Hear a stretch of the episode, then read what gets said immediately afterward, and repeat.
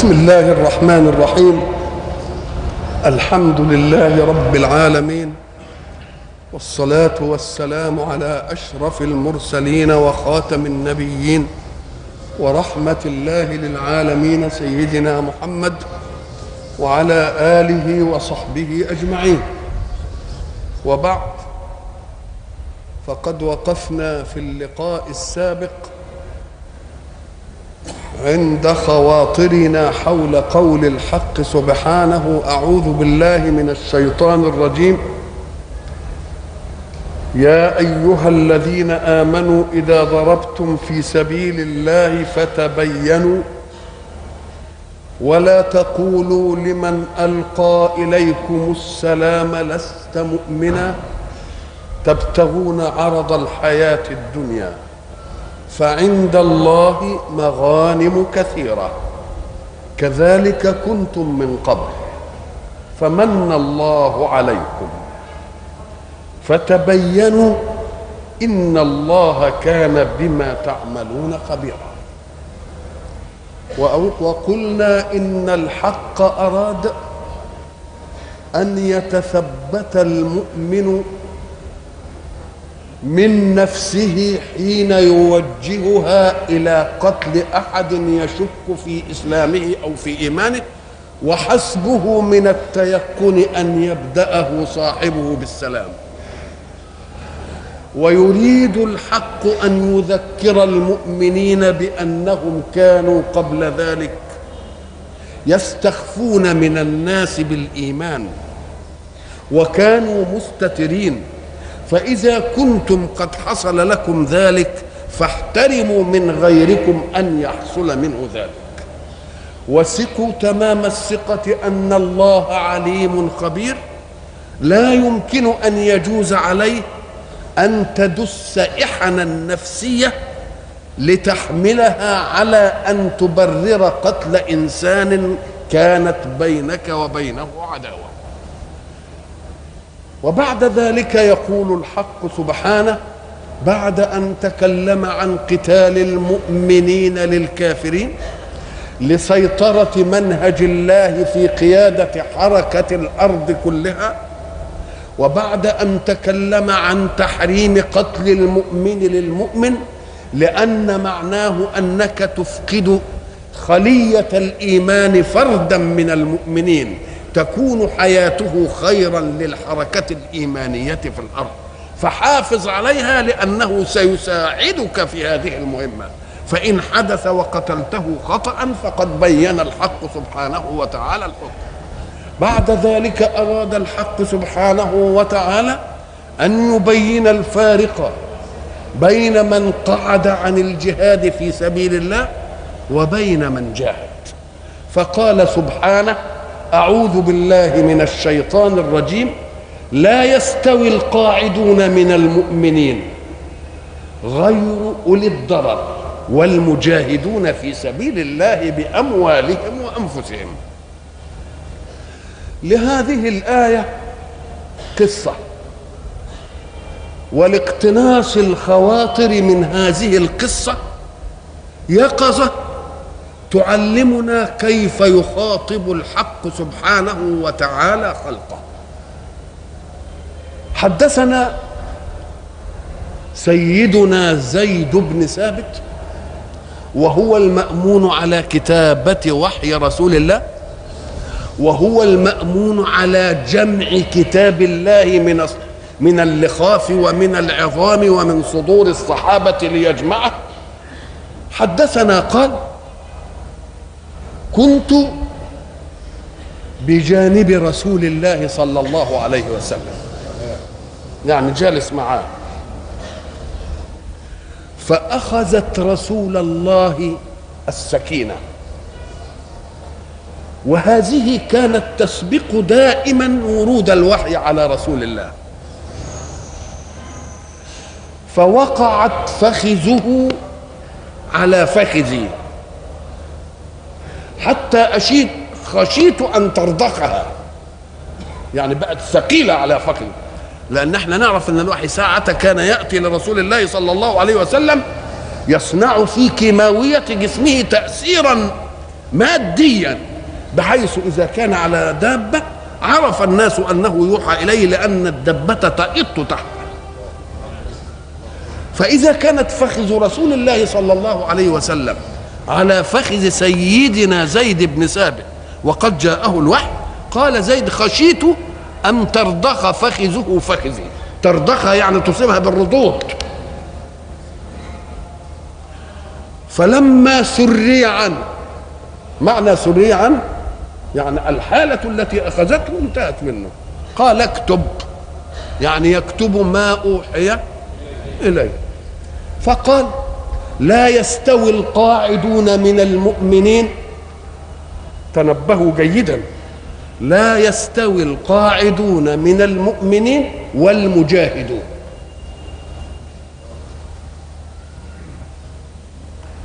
قال سيدنا ابن أم مكتوم وكان جالسا فكيف بمن لا يستطيع الجهاد يا رسول الله؟ يقظة إيمانية من ابن أم مكتوم. مش سمع اللفظ كده ومرره. لا فهم مدلول اللفظ. إزاي ربنا هيقول لا يستوي القاعدون من المؤمنين والمجاهدون؟ اذا هو ساعة سمع هذا الكلام عرف موقفه من هذا بأنه لا يستطيع. وكيف يكون موقفه من هذا؟ اذا المهم اللي قاعدين يسمعوا مش قاعدين على ودانهم سمع وإيه؟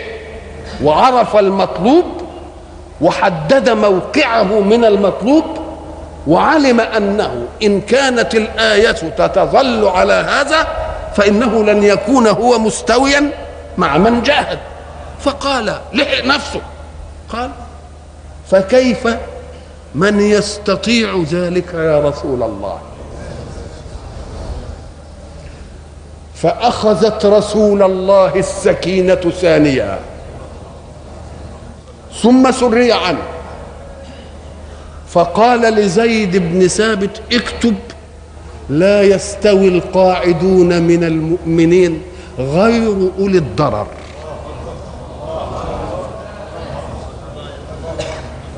لا يستوي القاعدون من المؤمنين غير أولي الضرر والمجاهدون في سبيل الله. فكأنها نزلت جوابا مطمنا لمن؟ لمن لا يستطيع لابن أم مكتوم لقائل أن يقول وهل كانت الآية تنتظر أن يستدرك ابن أم مكتوم ليقول هذا؟ إن الحق سبحانه وتعالى أراد أن ينبه كل مؤمن أنه حين يتلقى كلمة من الله وجملة من الله أن يدير موقعه من هذه الجملة. فإذا ما أدار موقعه من هذه الجملة علم أنه في مجلس رسول الله مستحضر إيمانه وربه. وفيما سمع من رسول الله عن ربه مستحضر دوره من هذه القضية. ولو أنها مرت هكذا ربما كان لا نتنبه إلى مثل هذا. فابن أم مكتوم ساعة ما سمع لا يستوي القاعدون. من المؤمنين والمجاهدون؟ ماذا صنع؟ شاف موقفه من هذه الآية. إيه؟ أهو هذا ما يريده الحق من ذلك.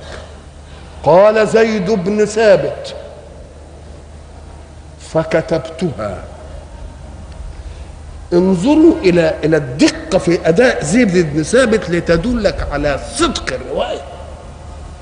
حين يكتب اولا لا يستوي القاعدون من المؤمنين والمجاهدون. ألا تلتصق والمجاهدون بكلمة من المؤمنين؟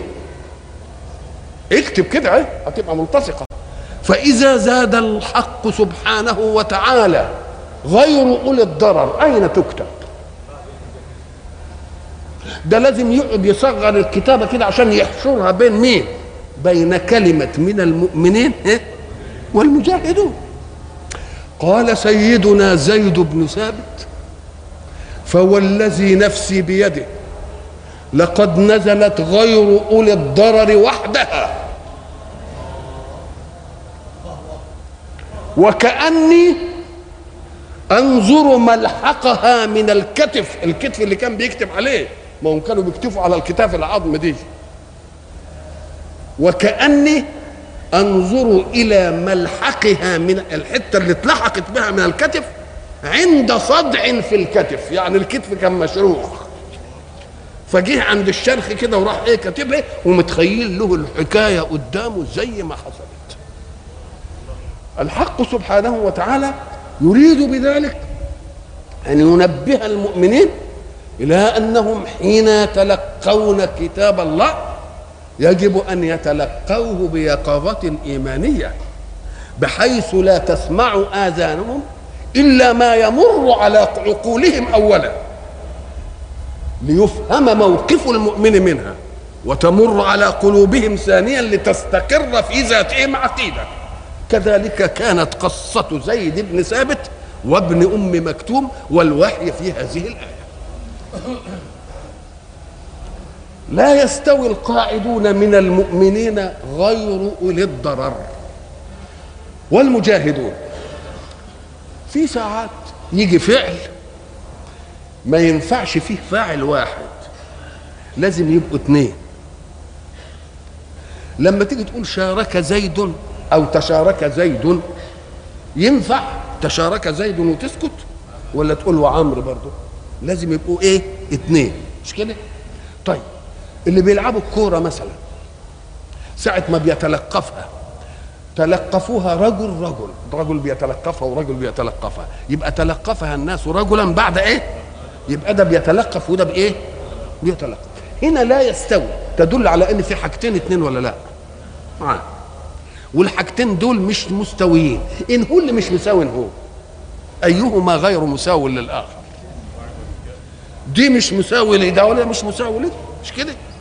يبقى الاثنين يبقوا فاعل. ما فيش واحد منهم لا يساوي القاعدون المجاهدين أو لا يساوي المجاهدون القاعدين لأنه كل واحد منهم إيه؟ فاعل ومفعول. فاعل ومفعول. طب لما تقول لا يستوي القاعدون من المؤمنين مقابل القاعدين إيه؟ هنا المجاهدين. إنما طب القاعد مقابله إيه؟ القائم مش كده؟ طب واللي مقابل المجاهدين إيه؟ يبقى لا يستوي غير المجاهدين. لا يستوي غير المجاهدين والمجاهدون. مش كده؟ أو لا يستوي الإيه؟ القاعدون والقائمون. مش كده ولا لا. إيه حكمة جاه القاعدين دي؟ أم قال لك الحق سبحانه وتعالى يريد أن يبين أننا في طلائع في طليعة الإسلام كان كل مؤمن حين يدخل الإيمان بيعتبر نفسه جندي وجندي في حالة إيه؟ تاهب الحالة عندهم جيم. يبقى مش قاعد. زي ما يكون إيه؟ واقف. القاعد أهو ما يبقاش ويانا. مش القاعد اللي هو قاعد ده؟ إذا ده يبين لنا قول الرسول عليه الصلاة والسلام خير المؤمنين ممسك بعنان فرسه. العنان اللي هو اللجام كلما سمع هيعة طار إليها. مش قاعد بعيد عن الحصان. ده ماسك إيه؟ واقف ماسك اللجام شوف الاستعداد بقى. اسمه في حالة إيه دي؟ اسمه حالة تأهب. فإن ما كانش كده يبقى قاعد. يبقى إيه؟ وقاعد إحنا نعرف إنها ضد قائم. اذكروا الله قياما وقعودا. يبقى القيام مقابله إيه؟ ما تفتكروش إن الألفاظ بتيجي المعاني هي كلها زي بعضها؟ ما تقول هي قاعدة في عرفنا وفي المعنى العام قعد جلس يعني. نقول له بس في دقة شوية. قعد لازم تكون عن قيام. إنما جلس عن اضطجاع. كان مضطجعا فجلس. إنما كان قائما فقعد يبقى قعودا هنا إيه؟ يقابلها إيه؟ فكأن المجاهد إيه؟ حالته قيام دائما حتى ما يستناش لما يبقى يقوم. لا ده إيه؟ ويجي الحديث يوسعها شوية يقول لك ده مش يقوم بس ده يقوم وماسك لجامه. يقوم وماسك إيه؟ لجامه لأنه قد يفاجأ بشيء يبقى مع مشى لا يستوي القاعدون من المؤمنين والمجاهدون في سبيل الله. طيب صحيح ما يستووش. وهل دي كانت مظنة أن يستووا فهل الآية جاية عشان تنفي إيه؟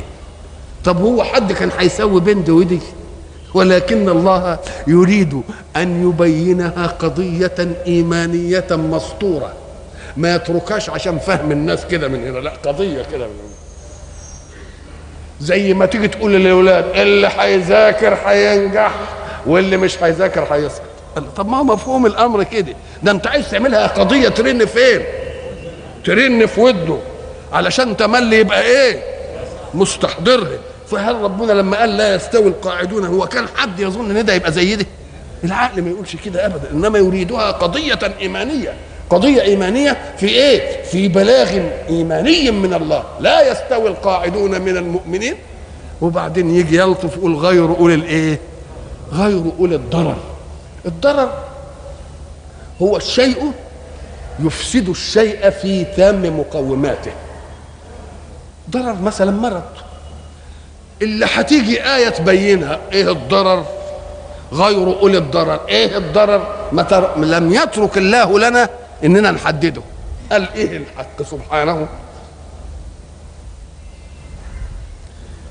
ليس على الضعفاء.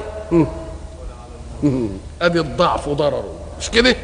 لأنه أخرج الإنسان عن مقوماته الإيه؟ الصحية والعافية. طيب. ليس على الضعفاء. ضعيف بطبعه من غير ما يكون عنده لا مرض ولا حاجة. ولا على المرضى. مش كده؟ ولا على الذين لا يجدون ما ينفقون حرج.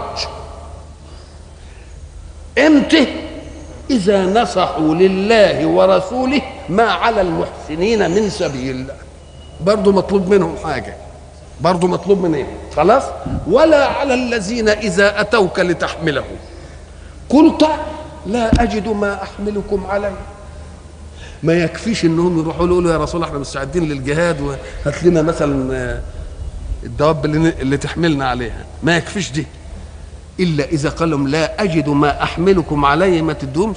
حتى إلا إذا تولوا وأعينهم تفيض من الدمع حزنا الا يجدوا ما ينفقون. شوف الاستمرار الانفعالي مش يقول بركة يا جامع لا. ده زعل. زعل قوي إزاي رسول الله ما لقاش عنده حاجة تحملني عليه. يبقى إيه؟ ولا على الذين إذا ما أتوك لتحملهم قلت لا أجد ما أحملكم عليه. تولوا وأعينهم تفيض من الدمع. شوف بقى تولوا والحال أن أعينهم تفيض من الدمع كلمة تولوا هنا لها معنى جامد قوي ما قالش فأعينهم تفيض من الدمع من غير التولي. يعني مش بيدمعوا قدام النبي ده بيدمعوا. حاله توليهم وبعدوا عنه وبعدهم عنه. اذا ده انفعال إيه؟ انفعال نفسي وانفعال طبيعي مش انفعال علشان يقولوا له لا تولوا. شوف كلمة تولوا دي. والحال أن أعينهم تفيض من الدمع وكلمة تفيض دي كأن الدمع غلب على العين كلها برضه شغلانة مش الصناعي ده اللي بيصنعه دي يعصر على ما يجيب نقطة يكون فطس إنما دوك تفيض مش كده آه وبعدين برضو آية تانية قال ليس على الأعمى حرج إيه؟ ولا على الم... ولا على الأع... ولا على المريض حرج ولا على الأعرج إيه حرج يبقى هم دول أولي مين؟ أولي الضرر طيب يا سيدي. لا يستوي القاعدون من المؤمنين غير أولي الضرر غير أصحاب الإيه؟ الضرر. والمجاهدون في سبيل الله بأموالهم وأنفسهم. شوف بقى القضية اللي جاية بعد دي. طب ما دام ما يستووش طب ما هو يبدأ ابدا نقول احسن بقى. برضه قايلها قضية إيمانية عشان تحفظ. فضل الله. المجاهدين بأموالهم وأنفسهم على القاعدين درجة. وكلا وعد الله الحسنى. وكلا وعد الله الحسنى الإيمانية. مؤمن. مش كده ولا لا؟ إنما دي له إيه؟ له درجة. الله طب ما دام يعني غير أولى عنده ضرر الدرجة دي خدها ليه؟ خد بالك. برضه خد بالك. علشان إحنا عايزين نقرأ القرآن بتدبر. مش بس كلام كده؟ لا. آه غير أولي الضرر طب ما دام أولي الضرر هيزيدوا الدرجة ليه دول؟ نقول له تعالى. الذي أصابته آفة فناله منها ضرر فصبر لحكم الله في نفسه. ألم يأخذ ثوابا على هذه؟ خده يبقى لازم التاني اللي ما أصابتوش دي يبقى نسيب له فرصة ياخد ثواب تاني. عشان يبقى الكل في الاست... في الاستطراق الإيماني سواء نعم.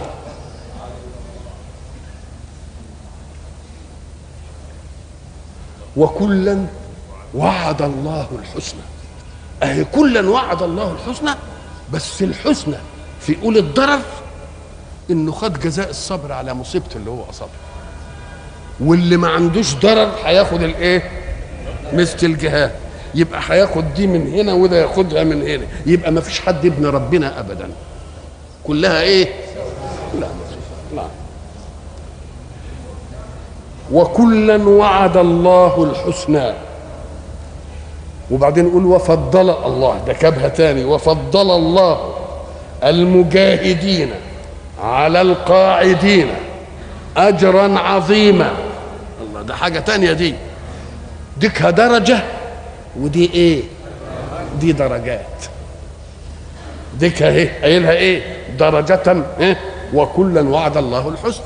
إنما هنا بعد الثانية وفضل الله المجاهدين على القاعدين اجرا عظيما إيه؟ تفسيره درجات منه بعدك إيه؟ درجة. بتاع إيه؟ اولى الضرر طب واللي واللي ما كانش اولى الضرر وقعد؟ يبقى نفضله درجة واحدة؟ ونفضل المجاهد عليه درجة واحدة ولا درجات عدة؟ درجات عدة. ليه؟ لأن دوك اولى الضرر هنفضله درجة. ودول هيك منهم غير أولي الضرر يبقى يتفضلوا إيه؟ يبقوا يتفضلوا إيه؟ درجات. كلمة درجات كلمة درجة ساعة ما تسمعها اعرف أنها المنزلة. أنها الإيه؟ المنزلة. المنزلة لا تكفي فقط أنها منزلة بل المنزلة الارتقائية. المنزلة هي ولذلك بنقول درجات. درجة السلم الدرجة دي وبعدين إيه؟ وبعدين درجة وبعدين درجة. فإذا كان التغير إلى منازل أخرى إن يعني تحت نقول دركات. نقول إيه؟ دركات. دي كدرجات ودي إيه؟ ودي دركات. درجات منه ومغفرة إيه؟ ورحمة. وهل الدرجات دي للكل؟ كل المجاهدين قال لك لا لأن أصل نفس لما يروحوا للجهاد فيه فرق بين الخروج من أوطانهم إلى الجهاد وعملية الجهاد في ذاتها. لأن عملية الجهاد في ذاتها هتعوز إيه؟ هتعوز برضه همة إيمانية. ولذلك الحق سبحانه وتعالى جابها برضه لنا في سورة التوبة إن شاء الله. مم.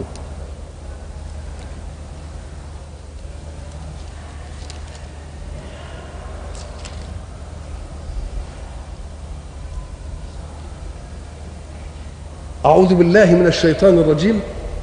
ما كان لأهل المدينة ومن حولهم من الأعراب أن يتخلفوا عن رسول الله.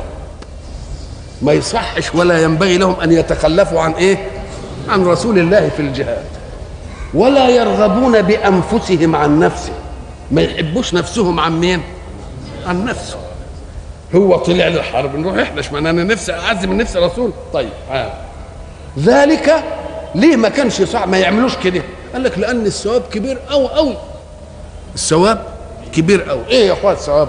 ذلك بأنهم لا يصيبهم ظمأ. أدي واحدة. ولا نصب تعب.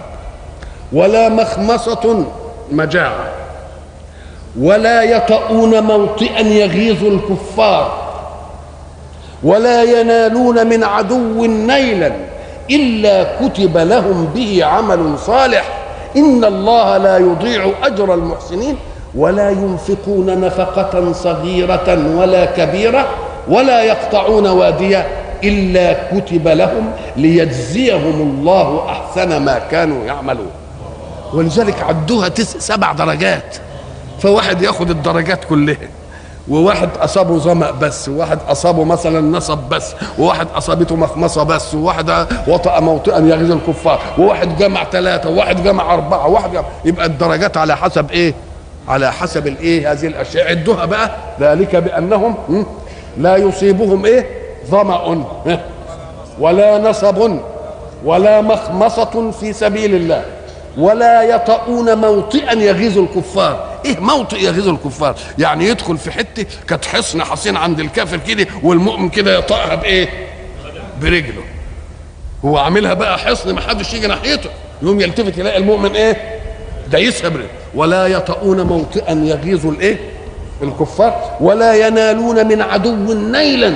ينكلوا به إلا كتب لهم به عمل صالح. إن الله لا يضيع أجر المحسنين ولا ي... هات بقى اثنين تانيين ولا ينفقون نفقة صغيرة ولا كبيرة ولا يقطعون وادية إلا كتب لهم ليجزيهم الله أحسن ما كانوا يعملون.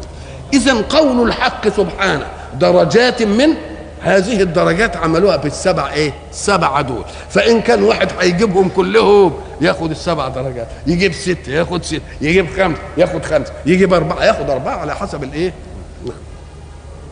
الله الله لا يستوي القاعدون من المؤمنين غير أولي الضرر والمجاهدون في سبيل الله بأموالهم وأنفسهم فضل الله المجاهدين بأموالهم وأنفسهم على القاعدين درجة. القاعدين اللي هم إيه؟ الضرر وكلا وعد الله الحسنى وفضل الله المجاهدين على القاعدين أي من غير الضرر اجرا عظيما درجات منه ومغفرة ورحمة وكان الله غفورا رحيما.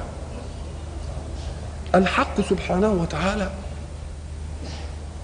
حين رغب المؤمنين في أن يكونوا مجاهدين ومعنى مجاهد أن يبذل الجهد. يبذل الجهد لماذا؟ لتكون كلمة الله هي العليا.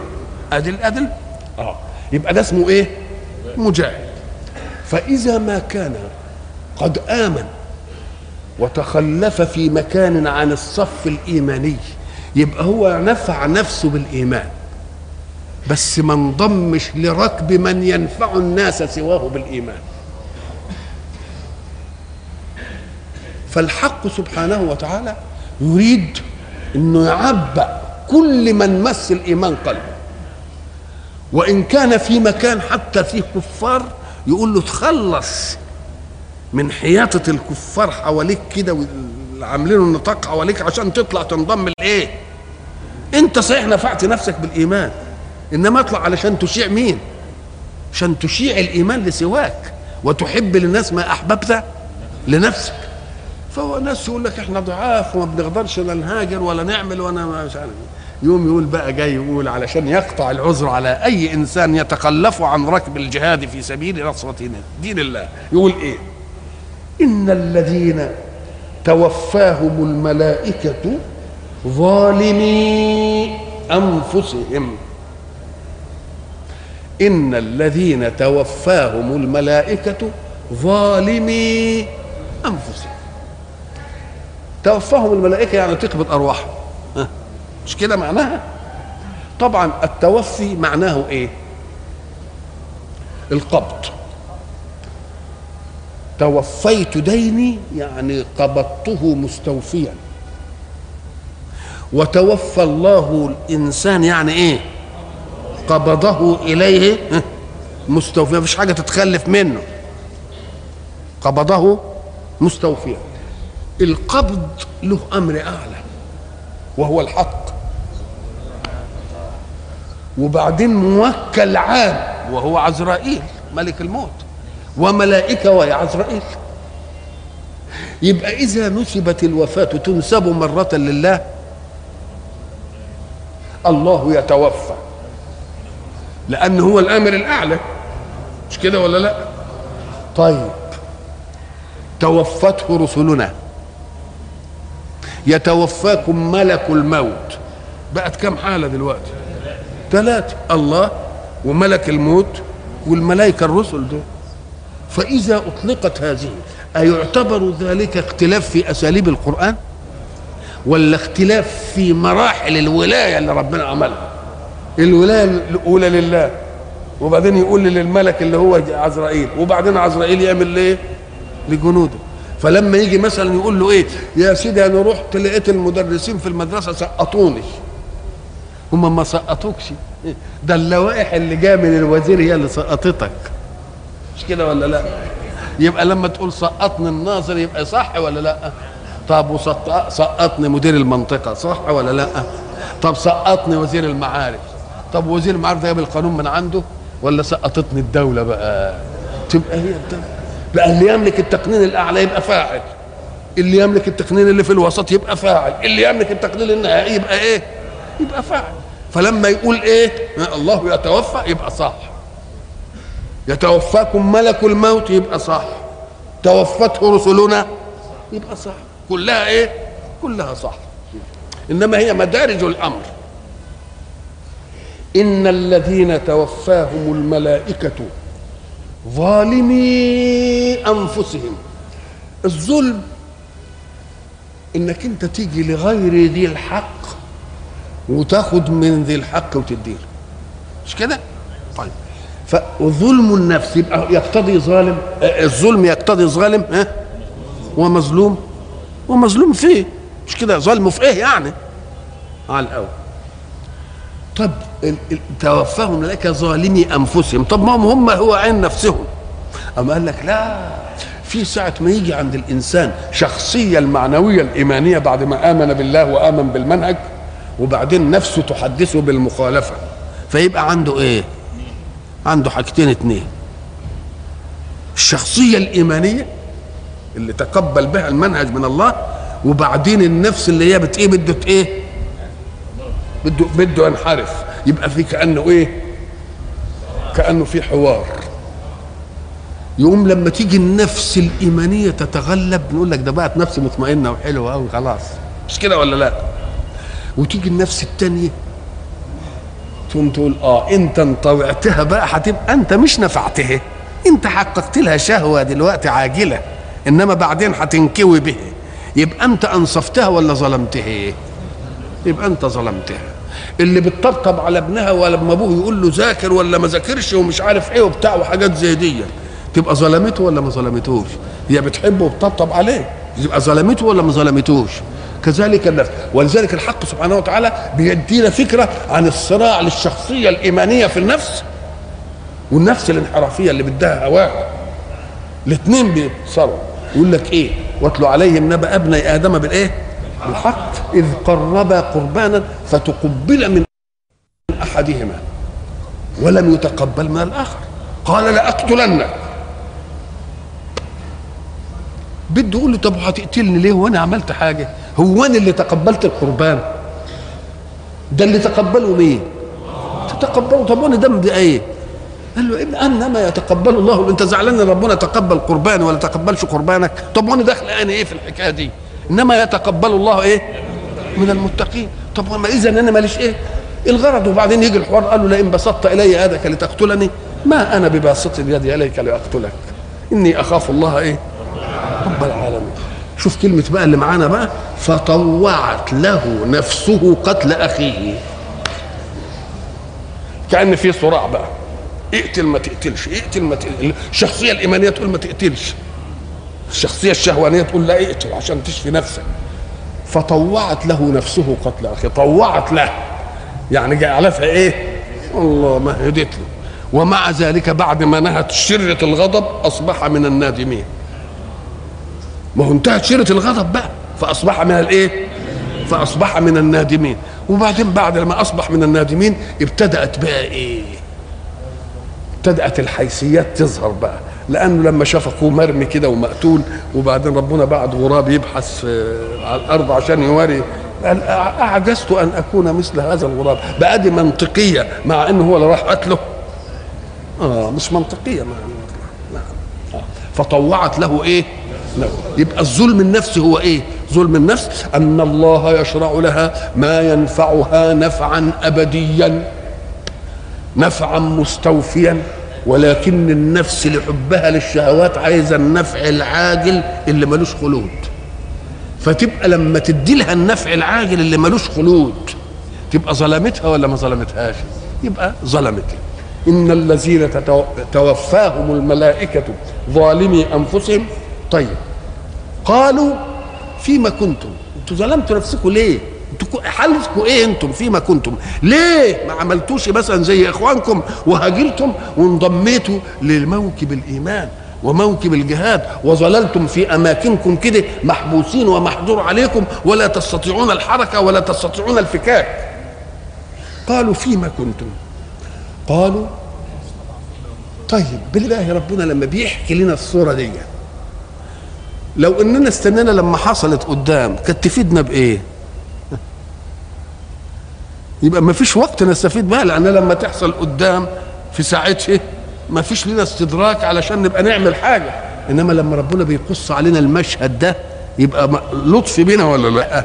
بيقول احذروا ما هيجي موقف وتحصل كيت وكيت وكيت. فقبل ما يحصل ولا تقدرش تستدرك العمل الطيب ها؟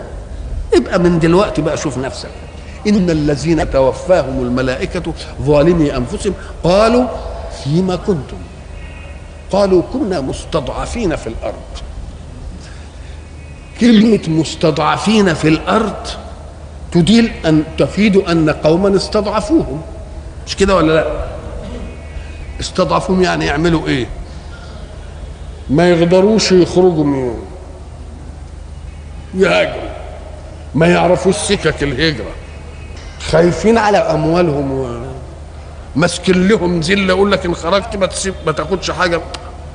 قال لك دول ده ده مظاهر الاستضعاف قال لهم الكلام ده ما ينفعش. ألم تكن أرض الله واسعة فتهاجروا فيها؟ إذا دي حجة ولا لها قيمة. ليه؟ أم قال لك لأن الذي يمسكه مكانه ووطنه أصبحت ثقته ويقينه في الأسباب. إنما اللي ما يسألش عندي لا وطن ولا ولا فلوس ولا عيال يبقى ثقته في من؟ في الله في المسبب ثقته في من؟ في المسبب يبقى أنت مستضعف هتقول لي كنا مستضعف. أم تكن أرض الله واسعة فتهاجروا إيه؟ فتهاجروا فيها.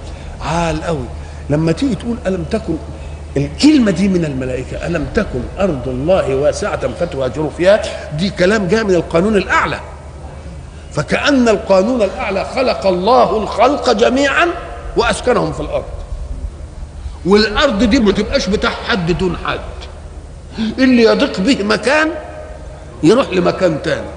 طب إذا جه الإنسان من ظلم وجبروته وعتوه صنع تحديدا للمكان.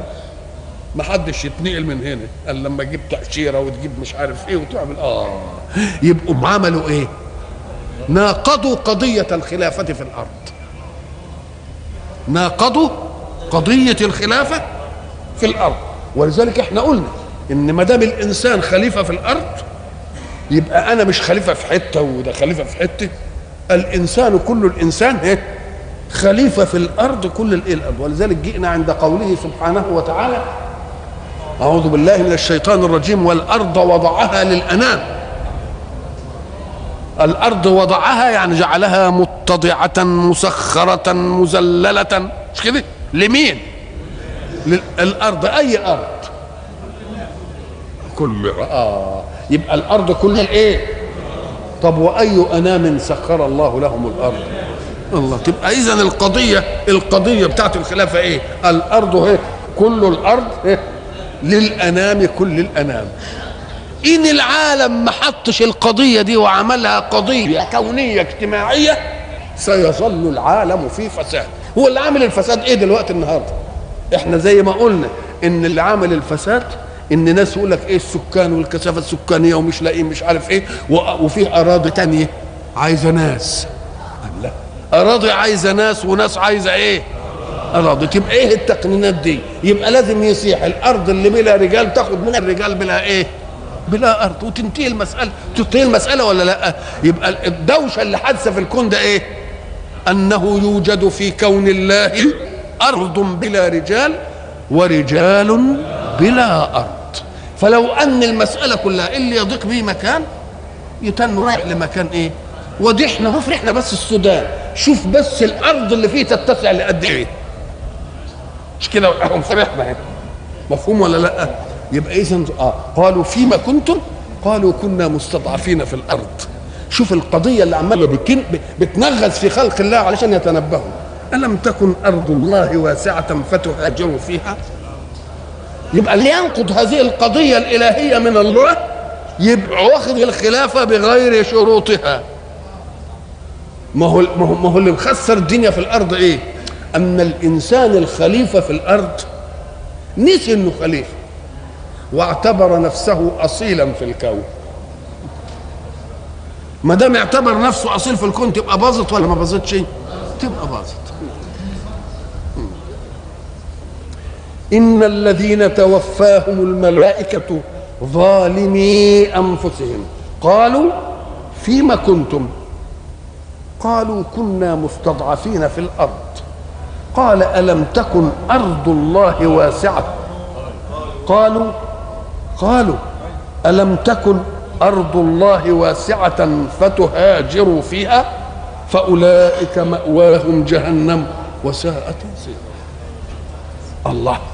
اذا يعني إذا أقام الإنسان على ضيم ولم يعمل فكره وعقله ولم يطرح قضية الكون قدامه ويشوف إن هي الأرض اللي تسعه ده ده مهدد تهديد فظيع قوي ده وعيد وحش قوي الجهنم وساءت مصيرا؟ يقول لك أيوه لأن أنا عامل له كون طب دلوقتي بقى ماذا نصنع؟ آه يبقى ما فيش صنع إلا الحيلة بقى زي اللي بيحتالوا بقى وإيه؟ ويروح. اللي بينفد من العملية دي مين؟ ومن ومن تعنيف الملائكة لهم ساعة الوفاة. ومن ومن؟ إلا المستضعفين. الله طب ما هم دول قالوا إحنا مستضعفين؟ فرق بين مستضعف دعوى وهو غير مستضعف ومستضعف حقيقي. هذا الفرق بين الاثنين. يبقى فيه مستضعف استضعفه الغير وهو اللي عمل نفسه ضعيف وفي مستضعف حقيقي. نشوف هنا المستضعف الحقيقي إيه؟ إلا المستضعفين من الرجال والنساء. يبقوا المستضعفين هناك إيه؟ دعوة. إنما المستضعفين هنا إيه؟ حقيقة.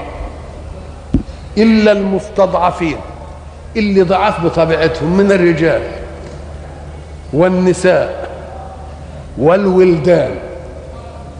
طيب الولدان دول هو يبقى مستضعف أم قال لك لأن الاستضعاف إما أن يكون طارئا وإما أن يكون ذاتيا؟ فبعض الرجال مملوك مملوك للغير. ما يقدرش لا يتصرف ولا يروح هنا ولا النساء ما تقدرش تبقى زعينة وكده وتمشي لحالها لازم يكون لها وياها من يحملها ومعها محرم ولا إلى آخره. طب الولدان قال لك ده الولدان دول بطبيعتهم مش مكلفين. مش إيه؟ يبقى دول إيه؟ خارجين عن إيه؟ عن نطاق التعنيف من الملائكة بقوله فيما إيه؟ فيما كنتم. لا يستطيعون حيلة ولا يهتدون سبيلا. قولي مش لا يستطيعون هجرة. شو الدقة برضه في الأداء. لا يستطيعون حيلة. فكأن مش الإنسان مكلف بس إن هو مثلا ما يقدرش ولو بالاحتيال. ولو بإيه؟ ولو ما هو الاحتيال؟ والاحتيال إعمال فكري. مش كده؟ إعمالا يعطي للإنسان فرصة أكثر مما هي له. أدي معنى الإيه؟ معنى الاحتيال. يبقى الاحتيال أن قوته لحد كده إنما يقدر يحتال ولا لأ؟ يعني مثلا اللي كان مثلا بده يشيل مثلا صخرة ما يقدرش يشيلها. يقوم يحاول ويجيب مثلا بتاع كده ويروح عامل عتلة ويشيلها شوية ويحط تحتها إيه؟ حتة خشبة وبعدين اسمها إيه؟ اسمها حيلة. اسمه إيه؟ احتيال. السقالات اللي إحنا بنبني عليها دي كلها ما هي إيه؟ ما هي اللي بنى الهرم وحط الحجر الأخراني دي؟ طب عمل على جاب سقالات إزاي ولا عمل إزاي الحكاية دي عملها؟ أهي برضه بإيه؟ بحيله اللي قعد ينحت المسلة من الجرانيت طولها قد كده وينحتها كده وهي في الأرض كيف أقامها وكيف نقلها؟ برضه إيه؟ حيلة. يبقى معنى الحيلة هي إيه؟ الحيلة هو فكر يعطيك فوق قدرتك على المقدور عليه. نعم. إلا المستضعفين من الرجال والنساء والولدان لا يستطيعون حيلة. ما عندهمش إيه؟ احتيال. طيب.